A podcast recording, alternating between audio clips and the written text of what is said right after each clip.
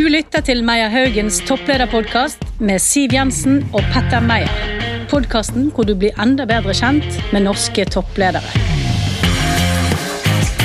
Det rare og mest fascinerende med min bakgrunn i forhold til akkurat det du spør om, det er at mekanismene er egentlig helt lik.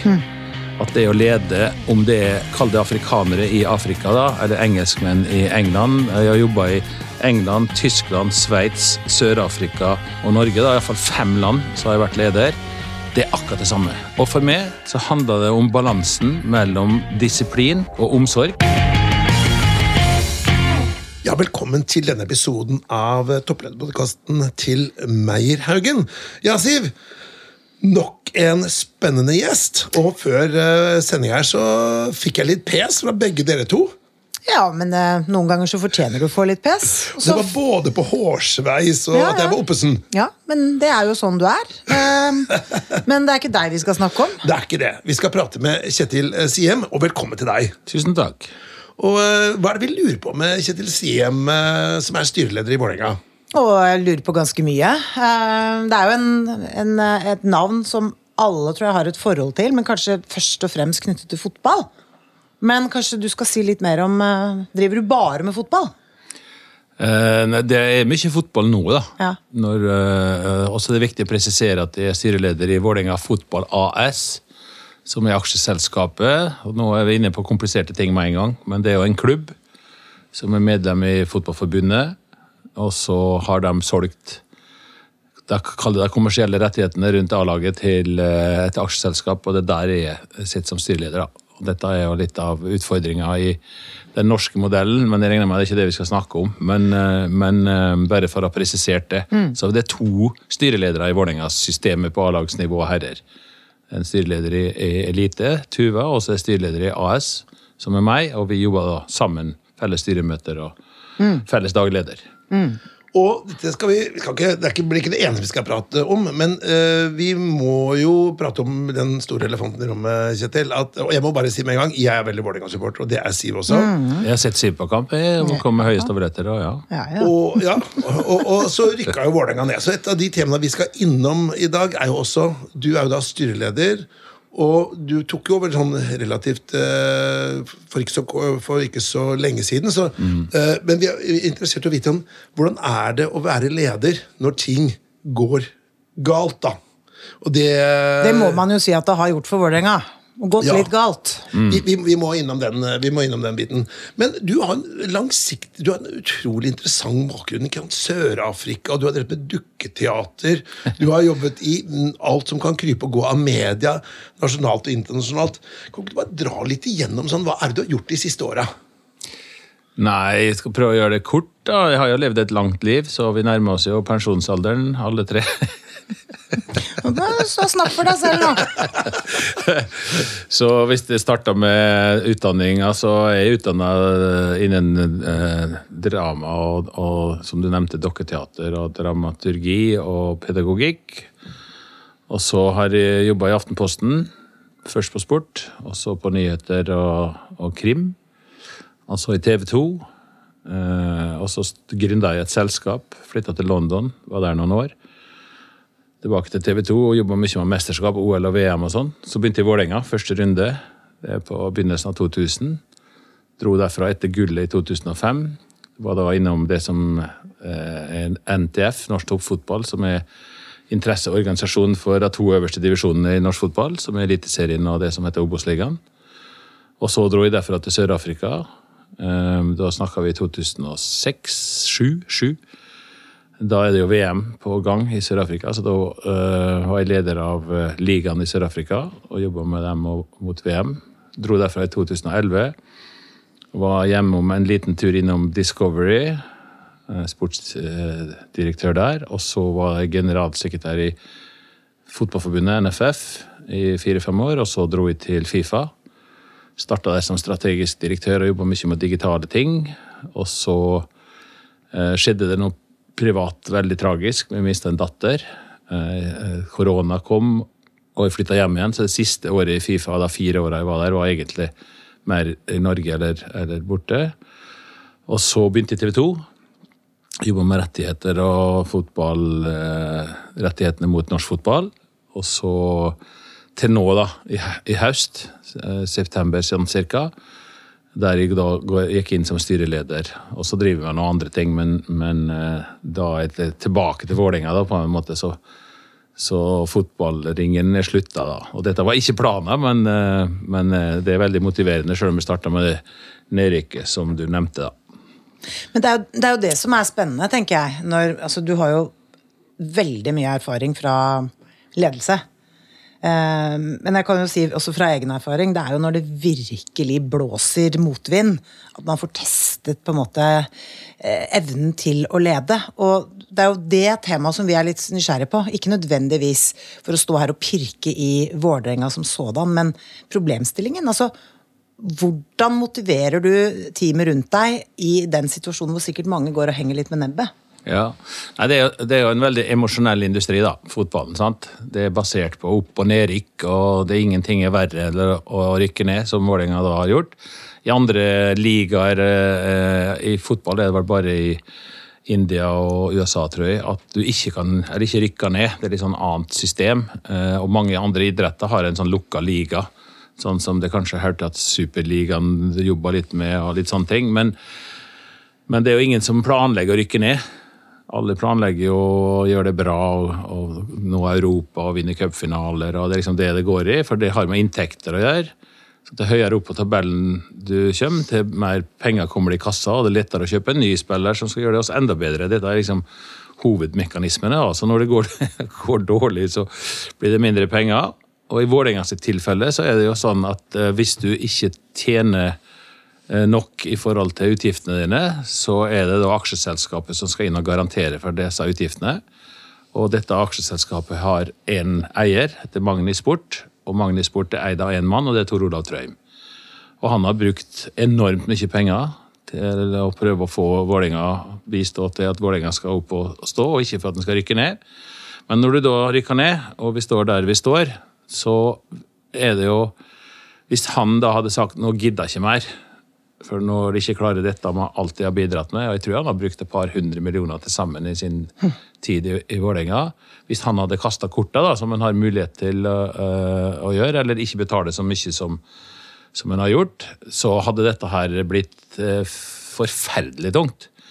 Men første, den første som ringer til meg etter nedrykket, er jo Tor Olav. Og da sier han at nå er det viktig at vi som ledere står der, og ikke eh, liksom lar emosjonene ta over. For det, det, nå, det, det nå vi må vise lederskapet, og det er nå vi må signalisere at eh, vi bakker ikke av.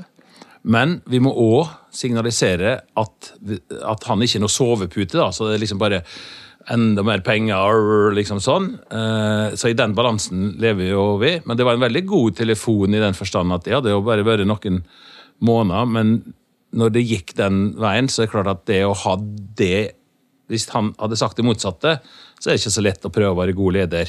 For da må du planlegge en slags form for avvikling eller eh, sånn. Så det at han gjorde akkurat det, som den første som ringte, det syns jeg det står veldig respekt av. Eh, og så eh, er det jo da at folk henger med nebbet, det må da på en måte få lov til.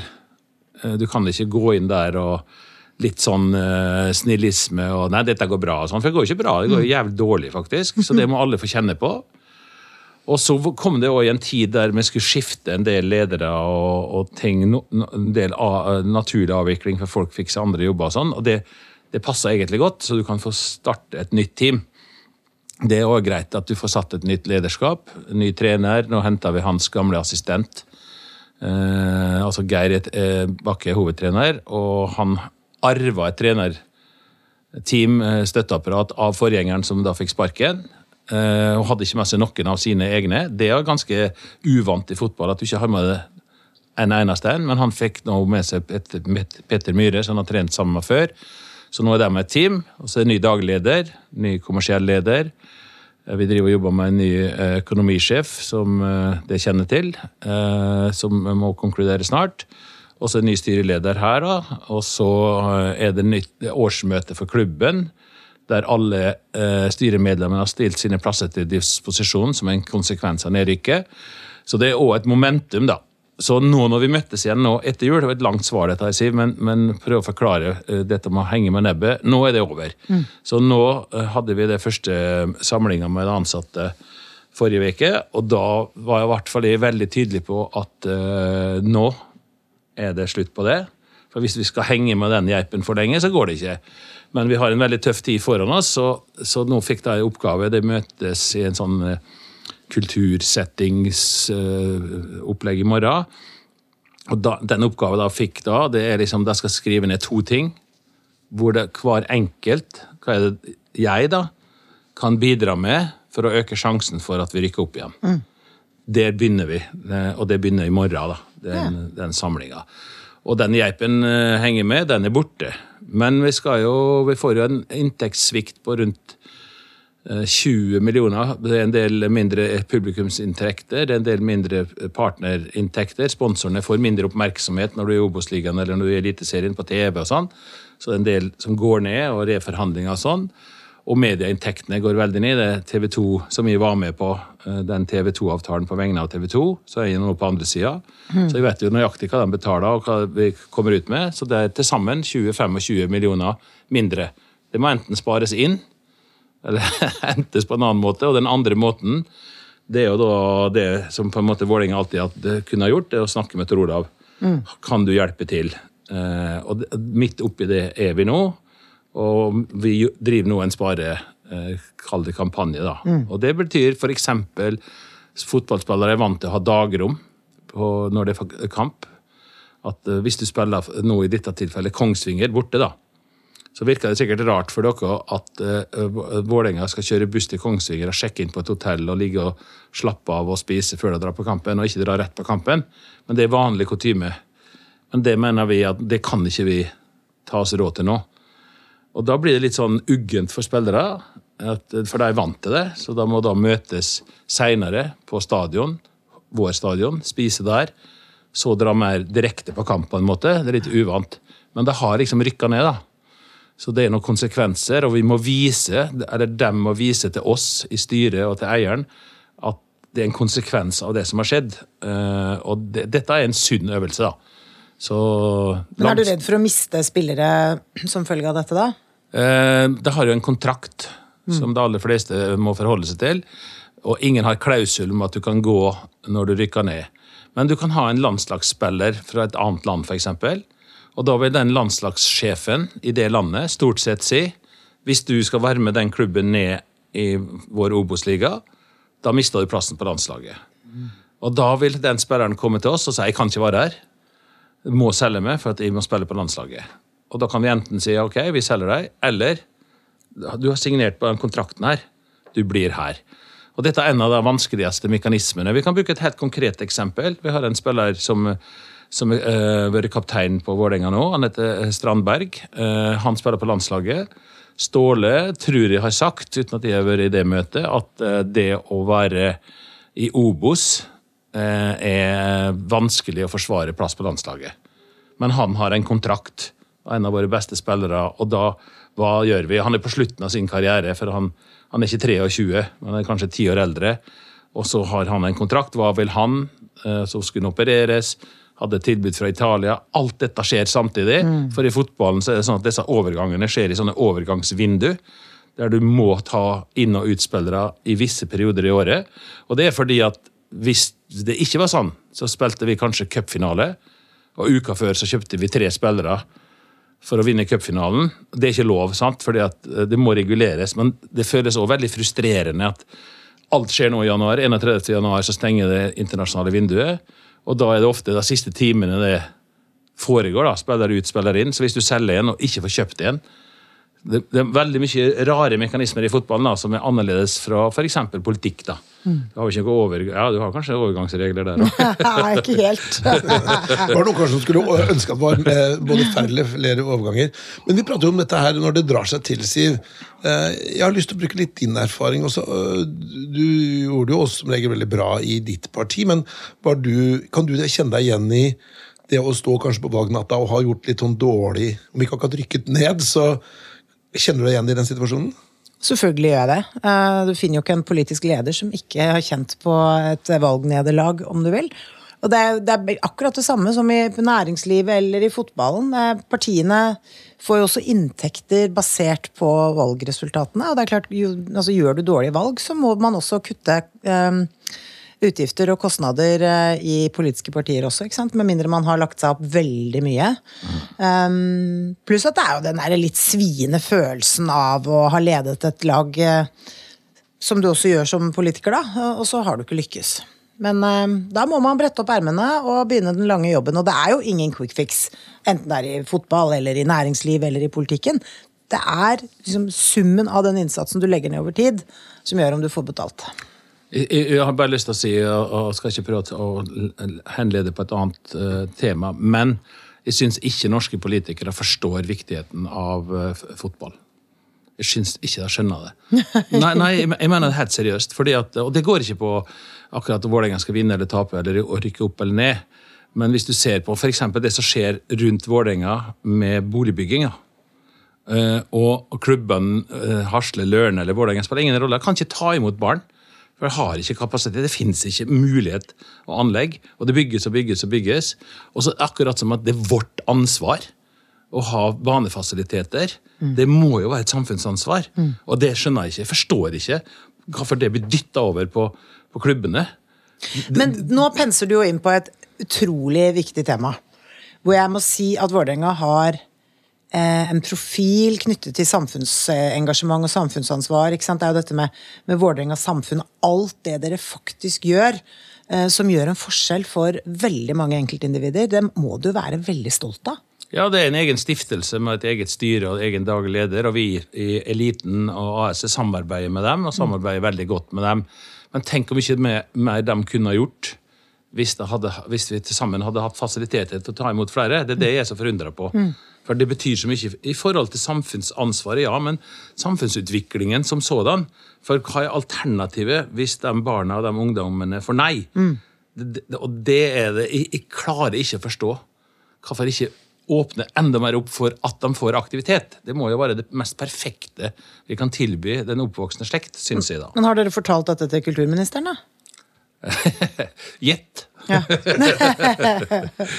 Men jeg tenkte vi skulle eh, Altså Vi får jo en del sånn lytterspørsmål. Og vi har fått da en trofast lytter eh, av denne podkasten som eh, visste at du skulle komme på i dag. Og, og hun har da noen tre spørsmål til deg. Ja. Er du komfortabel med det? Det kommer jo litt an på spørsmålet, Ja, men det tror jeg går bra. Skal vi se. Vi prøver oss Nå skal jeg bare spille av en liten video her. Ja, Lise. eh, vi har vært kollegaer i Norges Bank tidligere, så vi kjenner jo hverandre godt. Og nå skal jeg ha Kjetil Siem på podkast. Så eh, du har et par spørsmål til Kjetil Siem. Ja, jeg kjenner jo òg Kjetil godt, så jeg lurer på noen ting, Kjetil. Det første jeg lurer på, er hvordan du har tenkt å bruke din enorme innovative kraft til å fylle stadionet. igjen. Vi trenger et hovedstadslag som har eh, fylle, fulle tribuner, og som gjør eh, Oslo til en virkelig fotballhovedstad.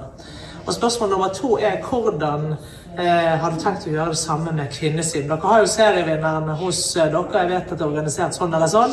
Men igjen, din innovative, vanvittige kraft.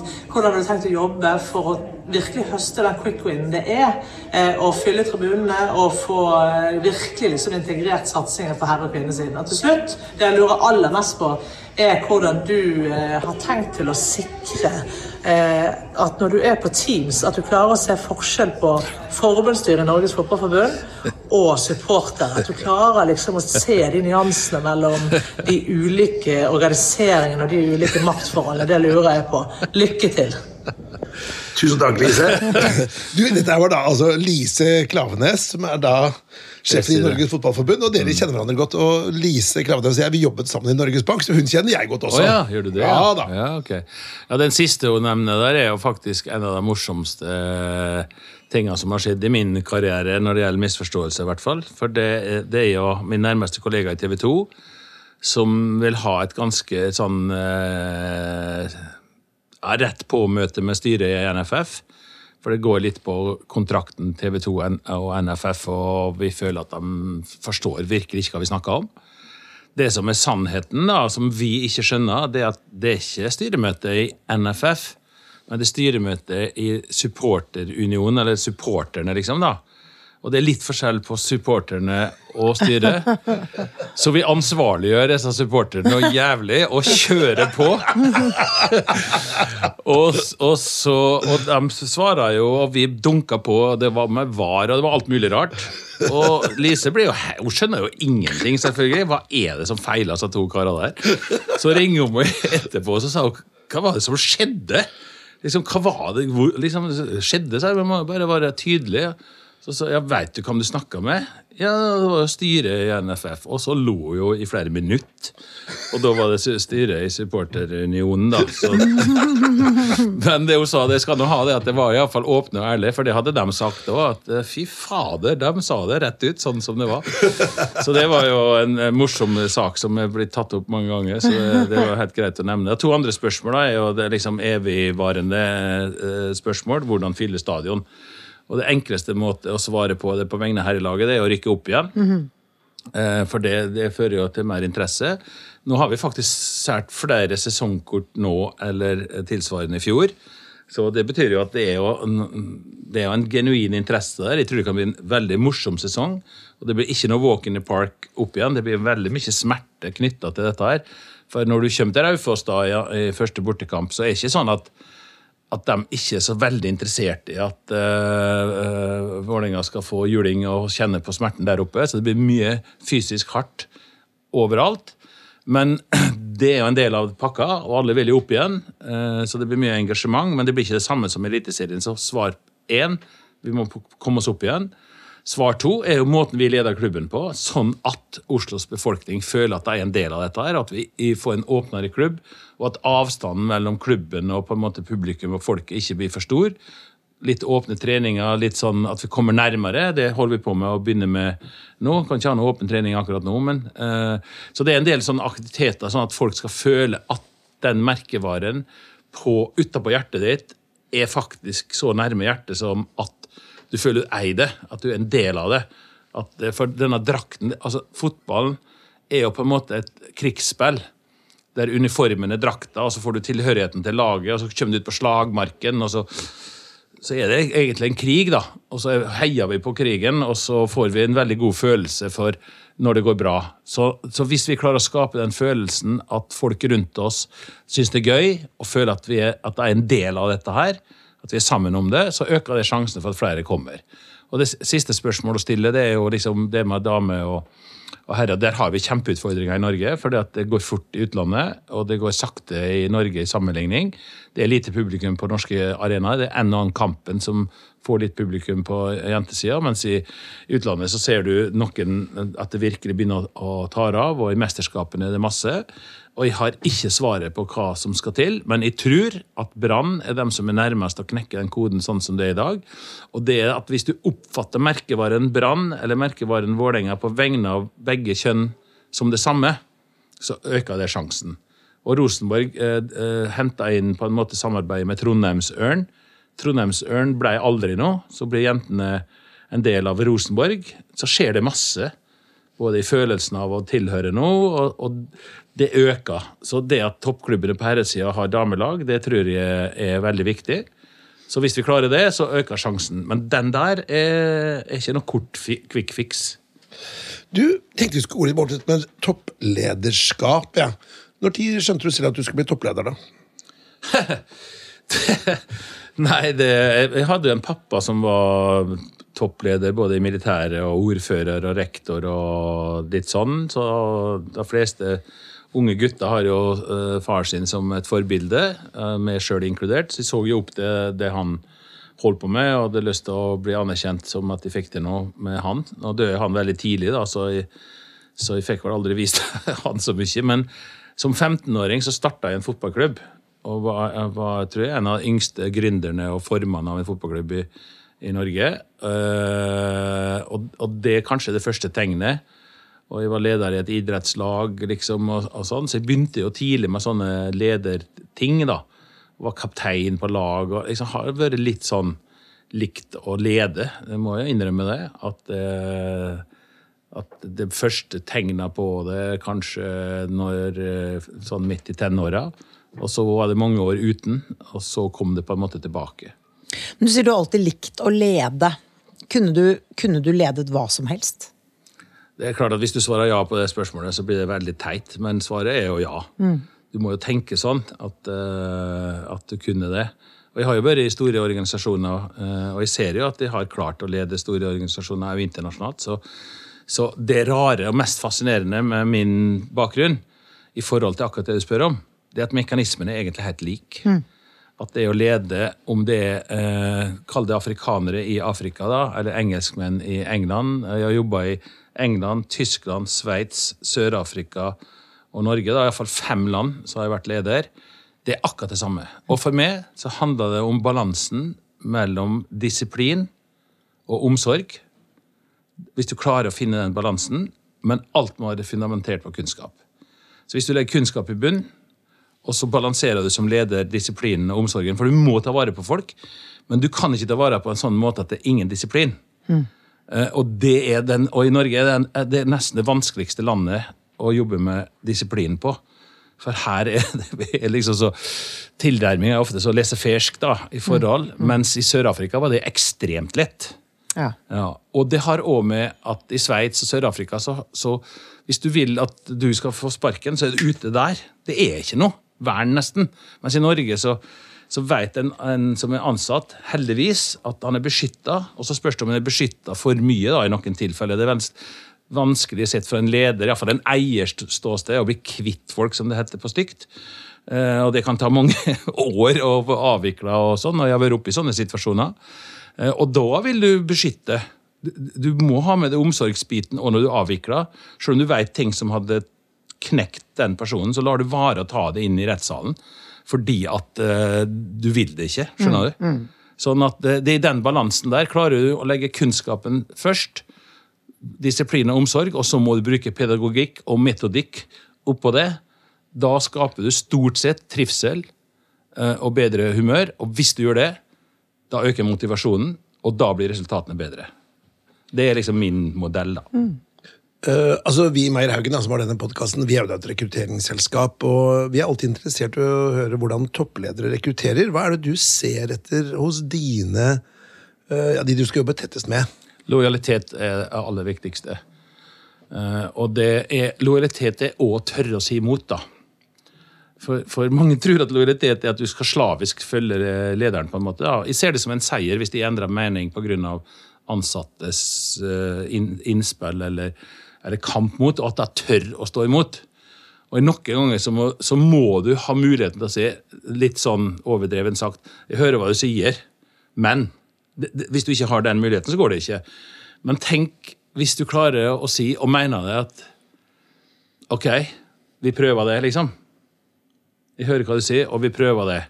Eh, og da må det ikke være sånn at eh, du straffer dem hvis det ikke gikk. og sånn. Nå må du ta det ansvaret, for du, du har jo tatt beslutninger. Så hvis det ble feil, så må du ta det ansvaret. Og det er veldig viktig at du som leder tar ansvaret. Og det er veldig mange som forsvinner når det blåser. Eh, og det har jeg opplevd mye i fotballen, at folk har pressa på for noe, og så, og så the shit hits the fan. Oi, hvor ble, ble det av dem, på en måte? Nei. Da står du der alene Og det må du. Du er forplikta som leder, og det er det du er betalt for. Det er faktisk å stå der. Og det kan være grusomt av og til, men hvis du ikke gjør det, da er du ikke berettiga til å være det heller, og du er betalt for å være det. Men, men jeg syns det at um, respekt for alles mening er viktig. Uh, Men du er sjefen, altså du må få lov til å ta. Men nå er jeg styreleder, og da har du en daglig leder. Og da er balansen mellom oss helt avgjørende. For hvis ikke han eller hun, i dette tilfellet han, har mandat, hvordan skal jeg ansvarliggjøre den personen da? Det er jo helt umulig. Hvis de sier nei, du må gjøre sånn, du må gjøre sånn, og så går det ikke, og så skal jeg ansvarlig daglig leder. Så det er veldig viktig med en god eh, kjemi og en god balanse i ansvaret og rollene mellom styreleder. da. Nå blander sikkert ikke du det opp i noen ting her, men eh, Nei da, for eh, Siv som styreleder i Meierhaugen, det, det legger vi nesten ikke merke til. Nei da, vi er veldig heldige med deg, eh, Siv. Hun smilte søtt nå, da. Nei, men det er, det er bra. Vi skal si litt om lederstilen din, du var litt innom det, men sånn, det er det balansegang mellom disiplin og, og, og trygghet. Men hvordan gir det seg utslag liksom, i, i en vanlig dag i, i Vålerenga, da? Nei, jeg, jeg, jeg tror at eh, min personlighet da Jeg er veldig opptatt av dramaturgi. eh, og Fotball er jo dramaturgi. Det er som et slags teater, på en måte. Og du bygger opp til noe og sånn. Og, og, og i min eh, verden så er det med å ha det morsomt og at det er godt humør, at vi tør å le litt og sånn, det tror jeg er veldig viktig. Så lenge vi ikke ler bort eh, virkeligheten eller ler bort eh, det vi driver med. da. Eh, og og det, dette er jo sagt tusen ganger før, men jeg syns det er veldig bra sagt av Gandhi at eh, liksom eh, First they ignore you. Then they laugh at you. Then they fight you. And then you win. At du må igjennom For når du kommer, er ganske innovativt anlagt, kreativ, vi liker liksom skape sånn, sånn som egentlig Lise var inne på. Så du kommer med en, en idé. Det, det skjer ikke. At alle sier ah, ja, liksom, det, det må, nå skal vi endre atferd, eller nå skal vi gjøre sånn. Ja, ja, ja, det, nå skal det bli sånn. Det kan være at du flytter et møte fast fra ni til halv ni, eller ni til halv ti. det. Så er det en eller annen som har alltid gjort. Og, sånn. Vi liker jo ikke endring. Men du kommer jo ikke videre uten endring. Og så kan du kalle det utvikling og alt, men du må endre for å utvikle. Og den er vanskelig. Eh, og da må du gjøre det med litt sånn Du må ha litt sånn Du må gjøre det, du må ufarliggjøre det litt. At folk får lov å ha det gøy på jobben. Det tror jeg er litt viktig. Nå har jeg aldri hatt det som eh, leder, men jeg tror du er en leder som godtar at folk har det gøy. Ja. Den kan le litt og, og, ja. og sånn. Og det tror jeg er litt, er litt viktig. da, At godt humør er viktig. Så lenge det ikke går over til å bli flåsete. da. Og jeg tror at folk vet at jeg kan le uh, i, i møter og sånn, men da vet jeg òg at, at hva som kreves, på en måte. da. I den balansen må vi få lov å prøve å operere. Det tror jeg er mitt viktigste bidrag. Det at vi har lov å ha, ha, det, ha det litt moro, da, for å si det på den måten. Nå skal vi da over til uh, noe det vi liker veldig godt. Jeg må se på personligheten din, da, Kjetil. Og jeg kommer til å lese opp da noen uh, punkter som da forskning viser Om meg? ja, Uh, at, at hvis du er toppleder, da, så har du flere, hvert fall en færre, av disse personlighetskarakteristikkene. Ok. Men Det betyr, det må jo ikke ha alle. Og så jeg leser dem opp, og så kan du si Om jeg har det eller ikke har det? ja, du bare sier liksom, eh, Kjenner du deg igjen eller ikke? Bare gi en kort kommentar. Ah, ja. og, og så kan du da utdype etterpå. Og så skal da Siv kjøre sin berømte analyse etterpå. Ja, nå, nå, nå, nå sminker jeg oss opp her. Ja, nå skal vært kamera her i podkasten, for nå er, nå er det god kom det, nå kom her. det lipstick på. Så du ikke knapper den der slåsshanska si, da. da Nei, vi er forberedt. ja, ok. Eh, stresstolerant, er du det? Ja, men det går ikke an å jobbe i media eller fotball med deadlines eller eh, overtid uten å tåle det. Men uh, du blir jo stressa, selvfølgelig. Det er noe helt jævlig, egentlig. Men uh, ja, du må, du må tåle det. Ja. Har du høyt energinivå?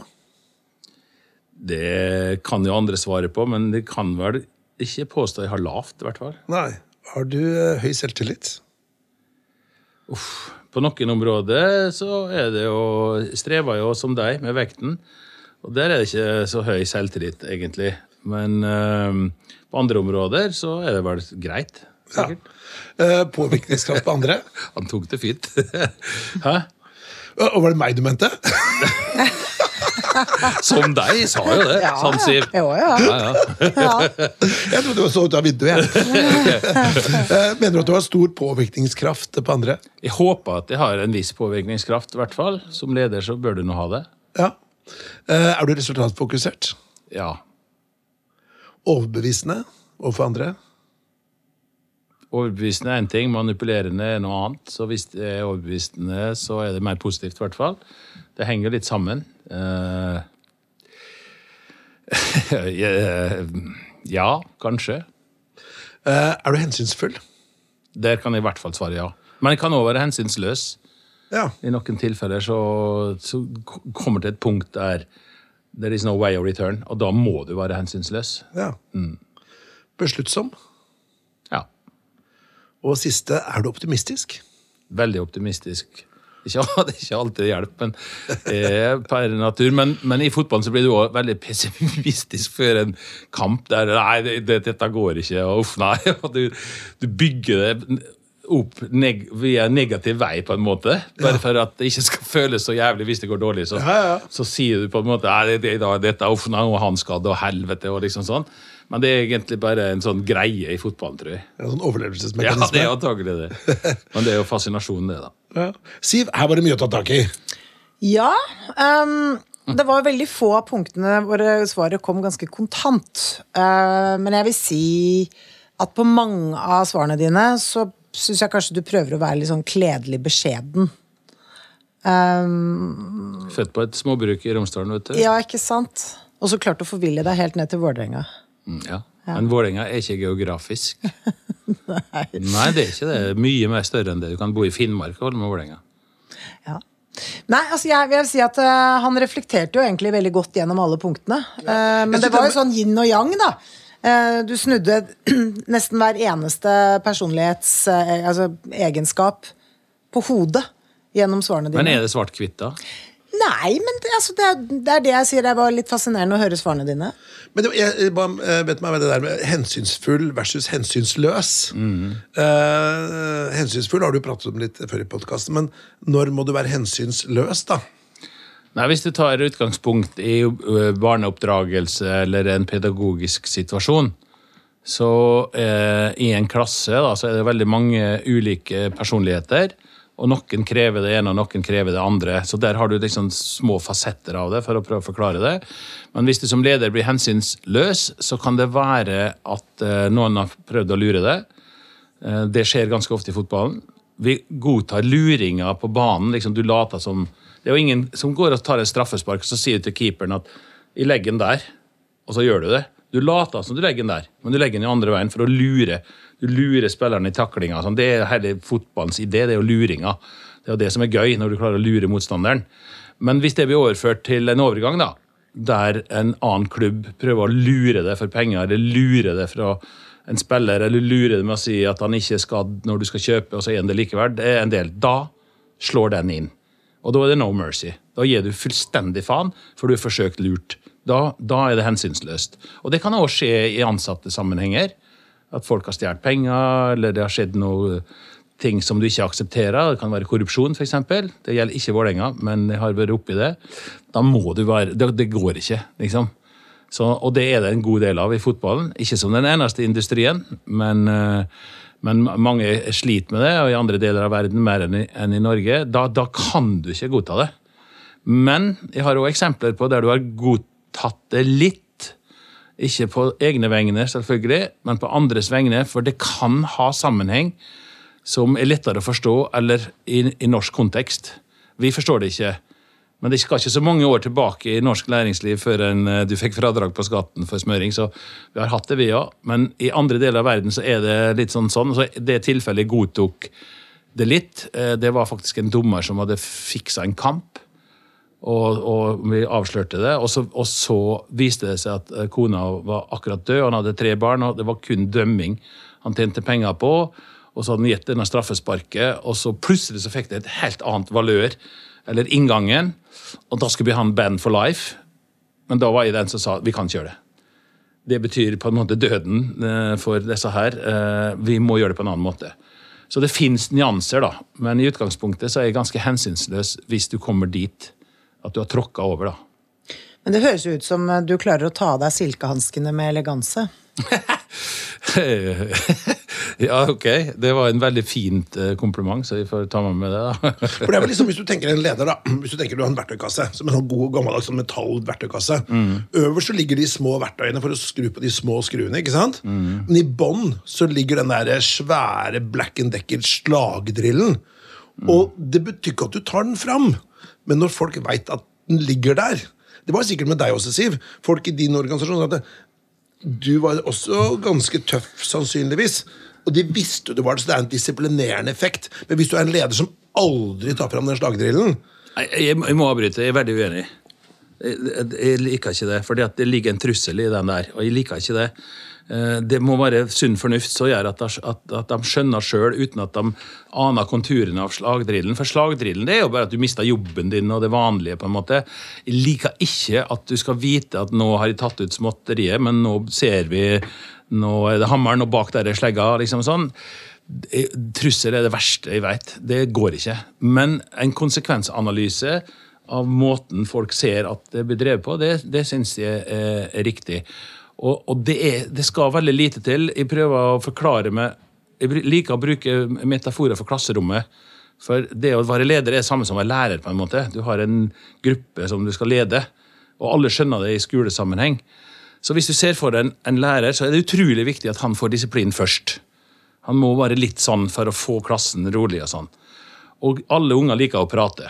Se for deg at du står med ryggen til klassen, og så skriver du på tavla.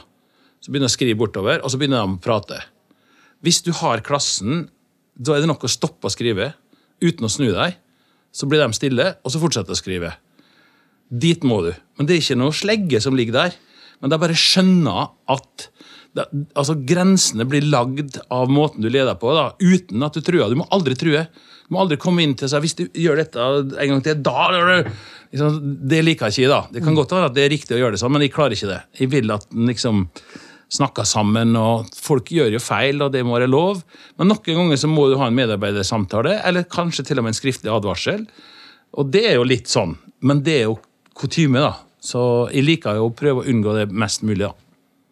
Du, Det var kloke ord. Jeg tenkte vi skulle gå inn for landing. Siv. Dette har jo vært veldig interessant å høre hvordan man leder når det virkelig blåser. For det har jo blåst, det er lov å si. Og eh, jeg må si at Dine refleksjoner rundt lederskap og kommunikasjon det er noe man absolutt kan ta med seg. Noen ting du vil si på tampen, Siv?